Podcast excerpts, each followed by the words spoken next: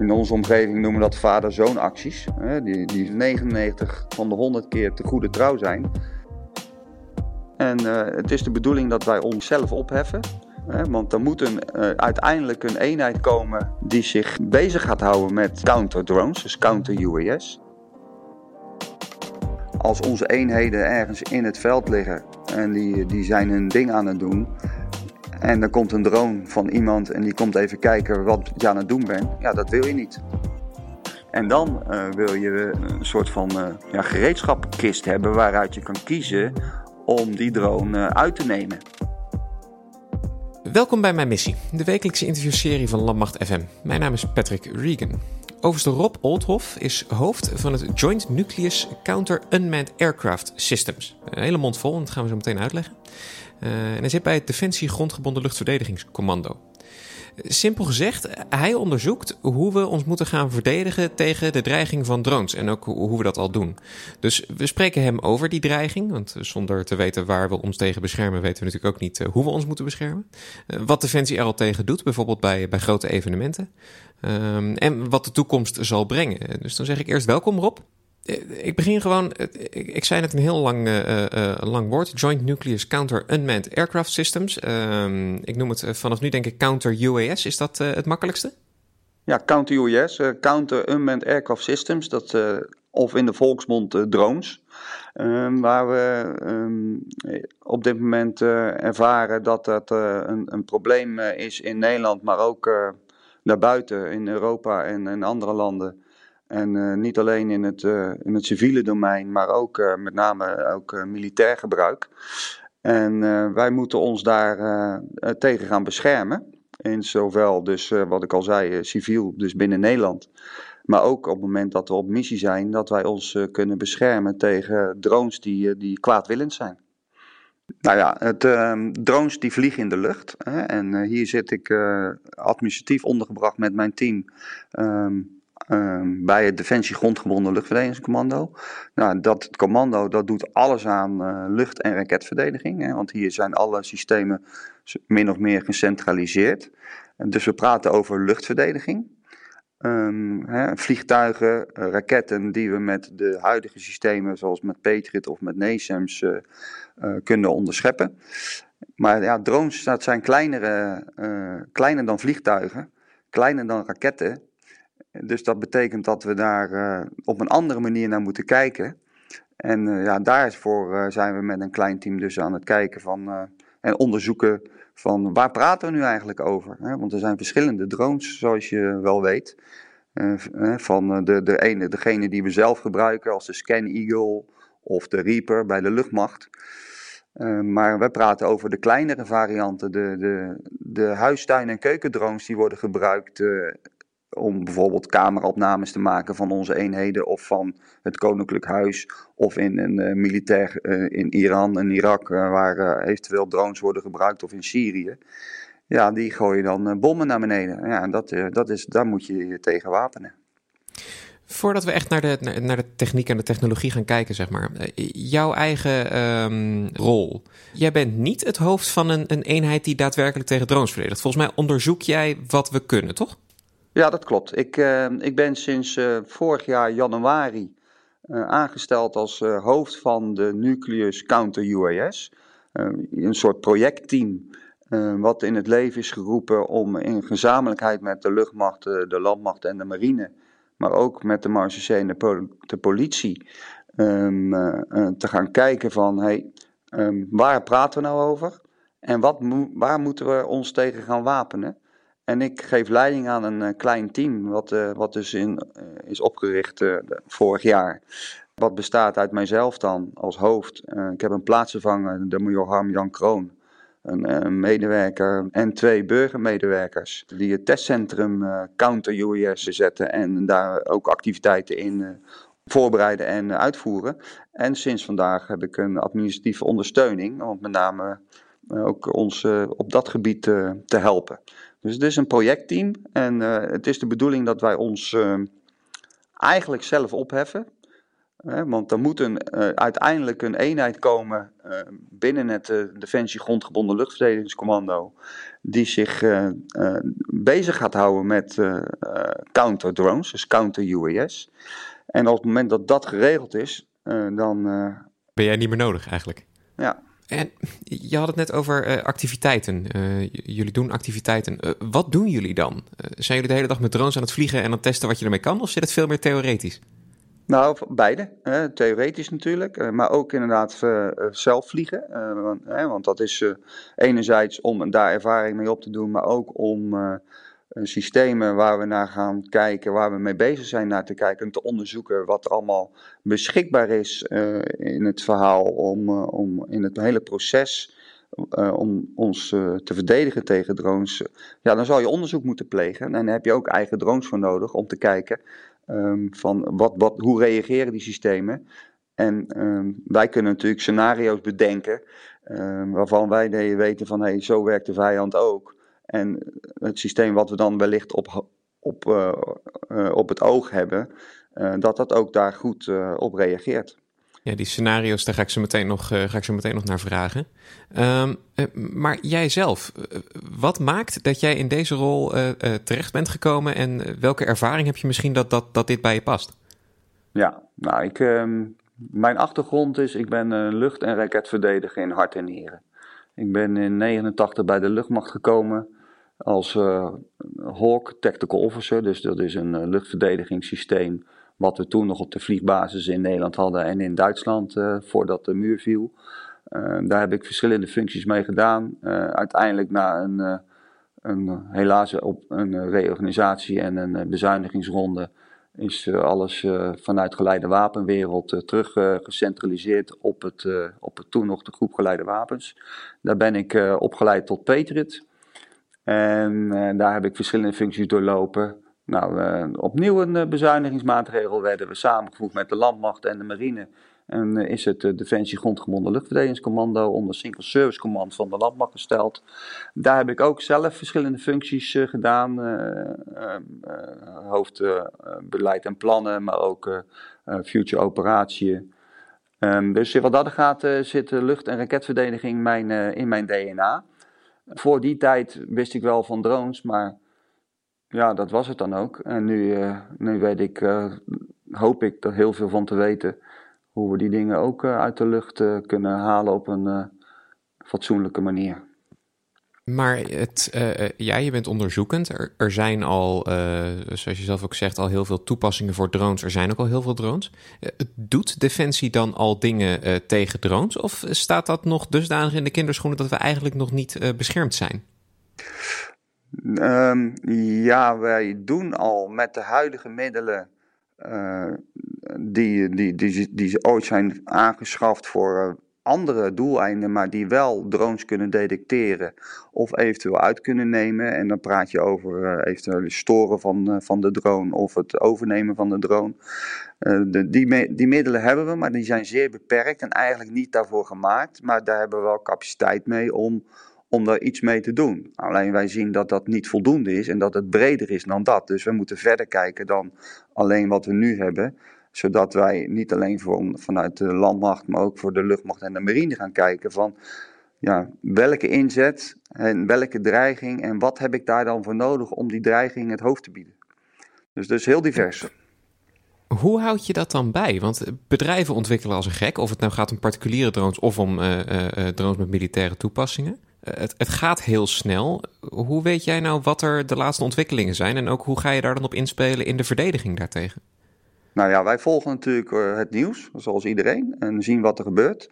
Natuurlijk hebben we onze eigen informatie, uh, de militaire informatie, wat, uh, wat, wat wordt gebruikt hedendaags tegen doelen op de grond. Um, maar daarnaast, inderdaad wat je zegt, um, de ontwikkelingen bij de, industrie gaat snel. Die zien ook een soort van gat, in de markt, mag ik wel zeggen. En ja, er worden heel veel bedrijven die bieden materiaal aan, die denken of te weten of te kunnen, iets te kunnen betekenen tegen drones. Ja, en daar zijn wij dus mee in gesprek. We gaan daar testen mee uitvoeren uh, en daar gaan we mee uh, concepten ontwikkelen. En gaan we kijken naar welke requirements hebben wij nou nodig aan, van een systeem om juist die dreiging, die, die, die, dus de, de DJI Phantoms, de kleinere drones, het hoofd te kunnen bieden. Ja, die vind ik wel heel boeiend. Want eh, een, DJI Phantom, uh, volgens mij, is een hele kleine drone die eh, in principe camerabeelden maakt. Dus wat je kan gebruiken om huistuin- en keukenfilmpjes en misschien zelfs een film voor een bioscoop te maken. Ja. wat, wat is dat nou voor dreiging? Nou, kijk dan, als het gaat om, als ik even naar het militaire kijk.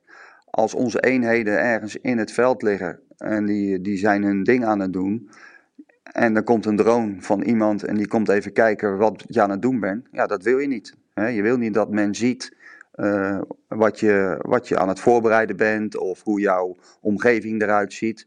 Dus daar moet je iets tegen doen. En dat kan op verschillende manieren. Je kan hem uh, uit de lucht schieten met, met, uh, met een klein kaliberwapen of met een wat groter wapen. Of je kan hem storen zodat hij naar beneden komt of heen vliegt waar, waar die dan in geprogrammeerd is. Nou, eigenlijk wil die drone dan vangen om te zorgen dat die beelden dus niet uh, bij een ander komt die er iets kwaadwillends mee doet. Maar dat is dan het militaire. Je kan natuurlijk ook kijken nationaal. Um, en dan, dan, dan, heb je misschien een pingpop waar, ja, waar rechten zijn weg of gekocht om beelden te maken. Ja, dan wil je niet dat de vader en de zoon dat soort beelden even op YouTube zetten. Want ja, dat, dat is dan heel interessant. Hè? En, maar ja, dat is natuurlijk niet zozeer onze taak. Dat is meer een civiel, uh, civiele taak. Maar daarnaast moet je ook kijken van wat voor impact een drone kan hebben in Nederland op het gebied van vliegveiligheid. Uh, als zo'n drone maar even bij een F-35 gaat vliegen omdat hij het een mooi vliegtuig vindt en opnames te maken. Ja, dat, dat wil je natuurlijk niet. Hè? En dan, dan kan zo'n uh, F-35 of een F-16 of een ja, een grote vliegtuig die kan daar last van hebben uh, en eventueel uh, neerstorten. Ja, en dat moeten we natuurlijk te alle tijden voorkomen. Een voorbeeld daarvan is volgens mij december 2018, toen Gatwick in het Verenigd Koninkrijk ja, een paar uur plat lag omdat er een drone ergens in de buurt van de landingsbaan rondvloog. Ja. En daar zou je dan dus op een bepaalde manier iets, iets tegen kunnen doen. Uh, ja, daar zou je zeker iets tegen kunnen doen. Hè. Je moet eerst weten dat ze te vliegen, dus je moet ze detecteren. Um, dat, daar begint het natuurlijk mee. En dat kan uh, met het oog zijn, maar dat kan met, een, met hulpmiddelen zijn van een radar of van uh, akoestische sensoren. Dus we praten over verschillende sensoren die je nodig hebt om te kunnen onderscheiden of het een drone is. En geen vogel bijvoorbeeld. Hè, want dat, dat is waar we over praten, dat soort formaten. En dus dat is best een uh, interessant uh, en lastig uh, vraagstuk. Nou, om daar een klein beetje op door te, te fantaseren, is wel een hele negatieve vraag, maar wat voor kwaad kun je nou verder nog met een drone? Want ik denk dat het verder gaat dan alleen camerabeelden maken.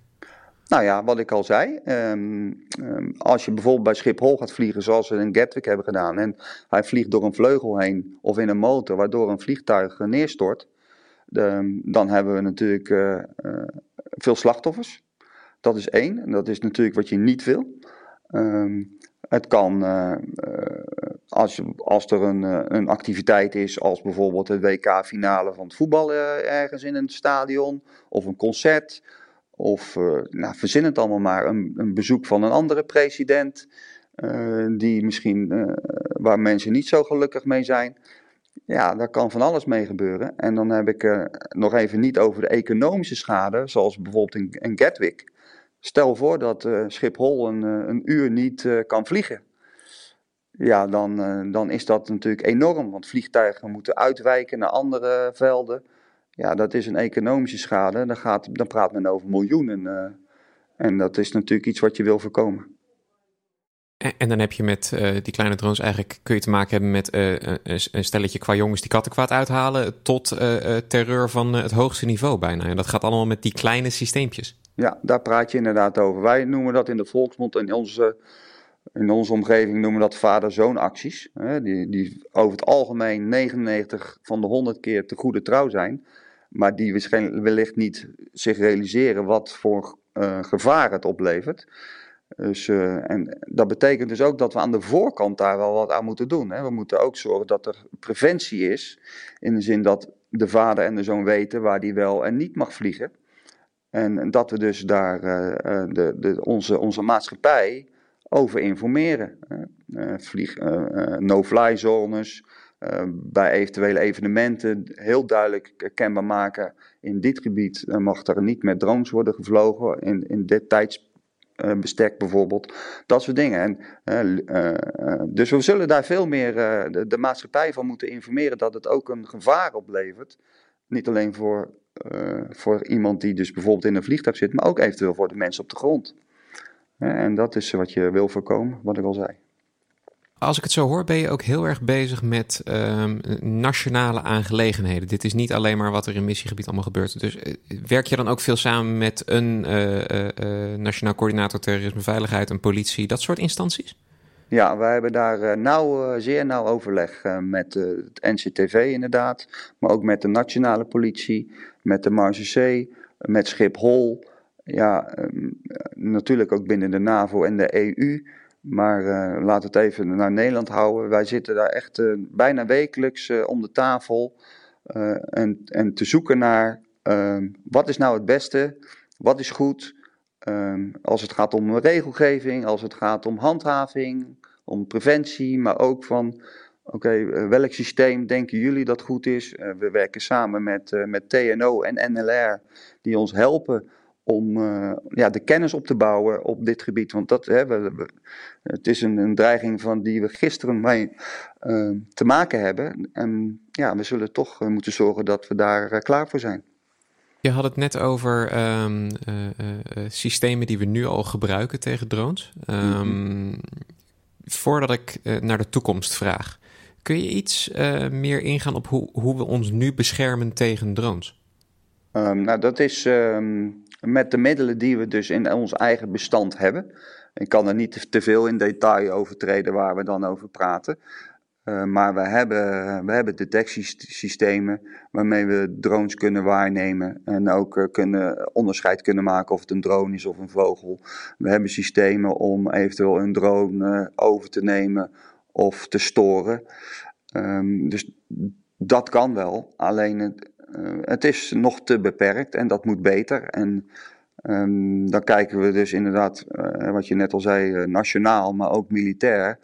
Ja, en hoe kunnen we dat samen doen? Hè? Want ja, als we allemaal verschillende systemen gaan aanschaffen voor hetzelfde doel, dan is dat niet echt efficiënt. En dat gaan we dus onnodig extra geld uitgeven. En dat is ook wat we willen voorkomen. Door juist het overleg met NCTV en alle andere civiele partijen. Om te kijken van, hey, um, kunnen wij vanuit het nationale uh, oogpunt uh, daar een combinatie vinden. En is uh, Nationaal Defensie daar enigszins een, een, voortrekker misschien in? Ik bedoel, jij zit op een defensiekazerne, je bent medewerker van Defensie. of is de politie hier net zo hard mee bezig en doen die net zoveel? Een politie die, eh, die, ja, die hebben helemaal of nagenoeg geen ervaring natuurlijk met uh, luchtverdediging in die zin. Dus die, die, ja, die hangen bij ons aan de lippen, laat ik het allemaal zo zeggen. En wij werken zeer nauw samen, zitten in, bij elkaar in overleg. we denken na over mogelijkheden in het, in het storen van drones. En, en daarbij assisteren we de politie met hun hun programma en een behoeftestelling en, uh, en vice versa. Um, maar ja, ik denk wel dat wij toch wel uh, voortrekker zijn in, in dit dossier als Defensie. En, zeg maar van nationaal naar internationaal, van Nederland ondersteunen naar echt missiegebieden. Hoe gaat het daar? Want dan zijn het andere dreigingen waar je mee te maken hebt. Um, ander soort mensen waar je mee te maken hebt. Ja, kijk, um, als het om het verschil te duiden, nationaal of uh, expeditionair militair optreden. Nationaal is natuurlijk, kenmerkt zich door zo, het, het, het, zo min mogelijk uh, veroorzaken van nevenschade. Dus eigenlijk uh, soft kill onderscheppingen met netsystemen of inderdaad het storen. Dus niet met daadwerkelijk schieten van granaten of kogels. En dat kan om het natuurlijk... Heel, om het heel plat uit te drukken, zodat er niet boven dat publiek bij Pinkpop een of andere granaat ontploft en uh, we alles opblazen. Ja, inderdaad, zo moet je het zien, hè? want dat is natuurlijk niet wat we willen. wij moeten ons sowieso altijd houden aan onze rules of engagement. En dan zal in dit geval natuurlijk zijn die in, in Nederland heel restrictief, wat ook logisch is. Hè? Want het is gewoon een civiel discussie en wij steunen de politie en andere entiteiten om om eh, eventueel iets te doen tegen drones. En dan praat je dus over de, de zachte oplossing inderdaad. Maar als ik het heb over een militaire inzet, ja, dan, dan is de omgeving waarschijnlijk dusdanig wat meer gewelddadig. Waardoor er wat eerder al uh, met, uh, daadwerkelijk met uh, kleinkaliberwapens of met grotere, met Airbus munitie geschoten kan worden. Ja, en dan, um, ja, dan heb je meer hardkill en dan is de nevenschade waarschijnlijk dus ook wat groter, omdat ja, de scherfwerking komt op de grond. En kogels die komen ook weer terug. Dus dan kan het zomaar zijn dat je iets raakt wat je eigenlijk niet wil raken. Want dat is natuurlijk sowieso altijd. We willen alleen datgene raken wat we moeten raken. En uh, niet uh, wat er omheen uh, hangt. En dat is als je het militaire inzet hebt. Ja, dan zal je daar iedereen op moeten voorbereiden. Want je kan je voorstellen, een schip op zee of in de haven, daar zit al een verschil in een manier van optreden, maar een, eh, een gemechaniseerde brigade die wellicht uh, manoeuvrerend gevecht aan het voeren is, ja, die is in beweging en die wil zichzelf beschermen. Ehm, maar als ik praat over bijvoorbeeld een, een, een, inzet ergens in een land waar we ook met vliegtuigen en met helikopters een, een, een, een, fix locatie hebben van waaruit we gaan vliegen en eh, ook weer terugkeren. Ja, die wil je ook beschermen tegen drones als dat ook de dreiging is. En dan, ja, dan, dan, dan praat je over hele andere eh, soorten van inzet en hele andere middelen die je nodig hebt om, om eerst te detecteren, dan uh, te klassificeren van is het een vogel of is het een drone. Uh, identificeren van uh, wat voor drone is het dan? Hè? Is, het, is het een vijand of is het, is het een vriendelijke drone? Want dat kan ook, hè? dat onderscheid moet je ook maken. En dan wil je eigenlijk een, een soort van ja, gereedschapkist hebben waaruit je kan kiezen om die drone uit te nemen. Dat is een mooie, zachtere uitdrukking om, van onderscheppen of vernietigen. En daarna wil je dat natuurlijk analyseren en eventueel kijken van wat zit er in die drone, hoe is die gebouwd, zodat het forensische deel, eh, dat mensen daar, dat doen wij dan niet zelf, dat eh, zijn andere specialisten, die zijn daar veel beter in, om te kijken van wat zit er nou achter, wat voor netwerk praten we dan over. Hè? Kunnen we een vingerafdruk vinden en dat soort zaken. Dus zo, uh, dat is eigenlijk de hele keten waar we sowieso naar kijken. Dat geldt niet alleen voor de militaire inzet, maar natuurlijk ook voor het nationale. Want dat, uh, dan willen we natuurlijk ook weten als de groeperingen in Nederland zijn. Uh, en als je dan een droom vangt van iemand, daar, daar zit best wel heel veel informatie in. Met foto's of uh, ja, gewoon, wat ik al zei, vingerafdruk, haren van mensen. Dat forensische, maar dat, dat doen wij dus niet. Tenminste, daar zijn wij nog niet mee bezig, laat ik het zo zeggen. En het, uh, uh, voor dat militaire stuk. Ik heb een aantal weken terug uh, ook in deze podcast commandant van het DGLC geïnterviewd over, laat ik het dan klassieke luchtverdediging noemen. Het ja. klinkt wel alsof die twee heel erg overeenkomen. ja, absoluut. Um, het vliegt in de lucht en we schieten het naar beneden. Hè? En het klassieke luchtverdediging kenmerkt zich natuurlijk door raketten, de NASAMS en de Patriot-raketten. Ehm, maar wij kijken natuurlijk ook verder, en dat doet de klassieke luchtverdediging trouwens ook, hè, bijvoorbeeld het gebruik van laser. Hè, want dat is natuurlijk iets wat uh, zeer interessant is en uh, heel goed zou kunnen werken in de zin van het volgen van doelen, maar ook wellicht het, het uitschakelen van doelen. En daar kijken we natuurlijk klassiek naar, maar ook in het kader van counter-UAS. Oké, laser, leg uit, want voor mij heeft dat echt een, een beeld van, van James Bond, krijg ik nu in mijn hoofd. Ah, misschien Star Wars-achtig, hè? Um, de Amerikanen die hebben ooit al eens getracht om met een vliegtuig uh, een laserstraal te creëren om de uh, ballistische raketten die bijvoorbeeld Saddam Hussein uh, wilde wegschieten, dusdanig kon inbranden op de motor dat de raket al in zijn eigen land ontploft zodat we daar niet zoveel last van hebben. Nou, zoiets zou je dus ook kunnen doen. We hebben al testen bijgewoond, onder andere met laser, uh, die dus de, waarvan de, de uh, radiofrequentie gewoon gestoord wordt. Dat de, de, de processor van de drone het niet meer doet en dan stort die gewoon naar beneden. maar je kan ook wellicht met een laserstraal erop richten, zodat je hem kapot brandt. En, en, dat is natuurlijk wel iets wat de toekomst is. En daar, moet, daar, daar kijken we zeker naar. Niet alleen nationaal, maar ook internationaal natuurlijk. Met, met name met NAVO-initiatieven. Uh, waar die dat ook wel zien dat daar wellicht een, eh, een toekomst ligt. En, en niet alleen met NAVO, natuurlijk ook met andere landen. Sommige landen, daar werken we wat meer mee samen dan andere. Maar denk aan Duitsland, België, Engeland, Amerika natuurlijk. Eh, naar Spanje, Italië. Dus wat dat er gaat, eh, eh, doen we het niet alleen. Maar dat is wel iets wat heel interessant is. heel interessant en spreekt ook wel een klein beetje tot, tot mijn kleine jongensverbeelding in ieder geval. hoe is, het is misschien een hele rare vraag, maar hoe ziet dat eruit? Gaat er dan echt een, een, rode laserstraal door de lucht heen zoals in Star Wars? Of ziet dat er in het echt heel anders uit? Ja, dat, dat zou wel mooi zijn. Maar die laserstraal, zoals in Star Wars, die is er natuurlijk niet. Want eh, die straal zie je niet. dat, eh, dus wat dat gaat, maakt het het ook heel erg lastig. Omdat je eigenlijk helemaal niet ziet wat er gebeurt. Wij willen graag de effecten die we, die we creëren door te detecteren en, en, eh, en te onderscheppen, die willen we eigenlijk gewoon met onze eigen ogen aanschouwen. Maar een laserstraal zie je niet. Dus en hij stopt ook niet. Hè? Uh, met Star Wars dan schiet je een laserbulpje af en dan, uh, dan is de persoon geraakt. Maar ja, als die laserstraal eenmaal straalt, dan stopt hij niet. Dus dan gaat hij het heelal door. Ja, en uh, verliest hij natuurlijk wel aan kracht. Maar dat is natuurlijk iets wat onderzocht moet worden. Je moet wel zeker weten dat er niks achter staat dan. Maar ik denk ook dat dat heel erg aansluit bij wat je zei van dat het potentieel heel veel kansen biedt. Wat zijn dan de, de, de negatieve kanten ervan? Wat maakt het lastig? Het lastige maakt is dat je het niet kan stoppen. Dus wat ik al zei, als je dat in Nederland zou willen gebruiken.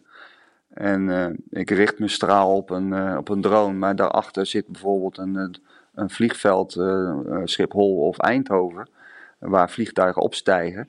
Ja, dan. dat zijn dingen die. Um, ja, die wil je natuurlijk niet. En dat moeten we onderzoeken hoe we dat kunnen, kunnen oplossen. Dat was uh, denk ik hele verre toekomst. Als we iets, uh, iets verder teruggaan, uh, nog steeds in de toekomst, back to the other future.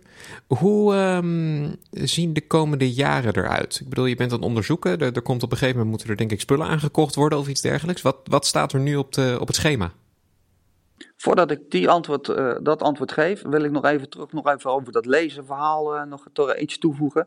Niet alleen inderdaad de, de, de beam zelf, maar ook Ehm, het vermogen wat je nodig hebt om zo'n straal te creëren is heel erg uh, belangrijk. Want dat valt natuurlijk niet mee. Je hebt wel heel veel vermogen nodig en stroom om te zorgen dat die laser ergens naartoe gaat. Um, we zien het wel als een, als een voordeel um, als je laser gebruikt, omdat het relatief goedkoper is. Je hebt maar minder spullen nodig. Je hebt een spanningsbron nodig, je hebt een laser nodig. Uh, en eentje die iets detecteert. En dan, dan ben je al redelijk, uh, redelijk in business, zeg ik. Dus uh, wat dat er gaat, is dat het. Maar je, de andere vraag die je had. Ja, je nabije, je nabije schema. Wat staat er al op je agenda, zeg maar? Nou, wat wij nu aan het doen zijn als, met ons kleine team. Wij hebben natuurlijk ons um, ingelezen. We zijn op bezoek gegaan bij bedrijven. We hebben bij andere militaire eenheden gekeken. Ehm, om gewoon ons een beeld te vormen en onze kennis op te bouwen. Um, dat heeft tijd nodig. Want en eigenlijk een behoeftestellingsproces om te, een nieuw systeem te verwerven, dat duurt normaal natuurlijk jaren. Kijk naar de aanschaf van, van nieuw F-16 en de vervanging daarvan eh, met de F-35 of onderzeeboten. Maar in dit geval is de dreiging nu, eigenlijk gisteren, hadden we al een antwoord moeten hebben. Dus eigenlijk hebben we geen tijd. Maar ja, dat wil niet zeggen dat je toch een goed onderzoek moet doen. Dus dat, wij, hebben ons nu een, wij denken dat we een redelijk goed beeld hebben met z'n allen. Uh, niet alleen binnen Defensie, maar ook met de politie en met het NCTV. Van waar zijn we naar op zoek? Wat hebben we nodig? Dus wij gaan uh, in, op korte termijn een, een, een, korte marktverkenning doen. Om, om, om een, een systeem te verwerven uh, die ons helpt bij het ontwikkelen van concepten uh, en, heeft, en nog wat meer experimenten te doen en andere systemen ook te kunnen testen. en te integreren. Want met name de samenvoeging van alle verschillende uh, uh, sensoren en effectoren in een goede software, dus de commandovoering die erachter zit, dat, daar gaan we mee aan de slag. Om uiteindelijk um, um, eind dit jaar, en dan ben ik wel heel erg optimistisch, dat wij een volledige uh, behoeftestelling kunnen doen om een systeem aan te schaffen uh, die wij kunnen gaan gebruiken voor een eventueel nieuw te vormen counter-US-eenheid. Um, en dat systeem is dan inzetbaar, zowel nationaal, hè, dus voor, de, voor het ondersteunen van evenementen en activiteiten in Nederland en eventueel de politie bij te staan, maar ook in het kader van militair optreden. Want je moet je ook voorstellen, um, ik weet niet, maar op YouTube en overal zie je, zijn er filmpjes te zien van, uh, van droneaanvallen op, uh, op Syrische uh, rebellen, milities. die worden aangevallen door een drone, want die laten gewoon bommen vallen en dus daardoor gaan gewoon mensen dood. Um, wat doen die? Die, die schieten met alles wat ze hebben op die drone. En wat raken ze? Helemaal niks, omdat die drone zo klein is en zo moeilijk te zien is. En de richtmiddelen die die mannen en vrouwen hebben, zijn dusdanig beperkt uh, dat ze de drone niet raken. Maar um, dat is gewoon een normale reactie van de militair. En dat zouden wij ook doen. Dus wij vinden, en daar zijn we ook naar onderzoek, en er zijn ook middelen voor, om met meer geavanceerde richtmiddelen de, gewoon de soldaat op de grond een, een, een, een middel te geven waar hij wat beter uh, uh, gevoel bij heeft en ook daadwerkelijk een drone met een hogere trefkans kan onderscheppen. He, dus dat is uh, waar we ook naar aan het kijken zijn. Dus het is niet alleen maar um, op een schip. Nee, we kijken ook naar de individuele militair, maar ook naar het totale geïntegreerde plaatje. Onwijs bedankt voor het luisteren. Mijn gast vandaag was overste Rob Oldhoff. Ben je nou fan van de show? Help ons door een review achter te laten op Apple Podcasts of Stitcher. Of de show aan bij vrienden, familie, collega's. En ben je nou benieuwd naar een onderwerp dat wij moeten behandelen? Tweet dan met de hashtag Mijn Missie of stuur ons een bericht op Facebook of Instagram. Mijn Missie is een productie van de Koninklijke Landmacht. Nieuwe afleveringen komen iedere maandagochtend online en je vindt ze in de meeste podcastspelers. Gewoon zoeken op Mijn Missie. Abonneer je en mis geen enkele aflevering. Je volgt de Koninklijke Landmacht via Twitter, Instagram, Facebook en YouTube en check defensie.nl voor het laatste nieuws rondom de krijgsmacht. Nogmaals, onwijs bedankt voor het luisteren en tot volgende week.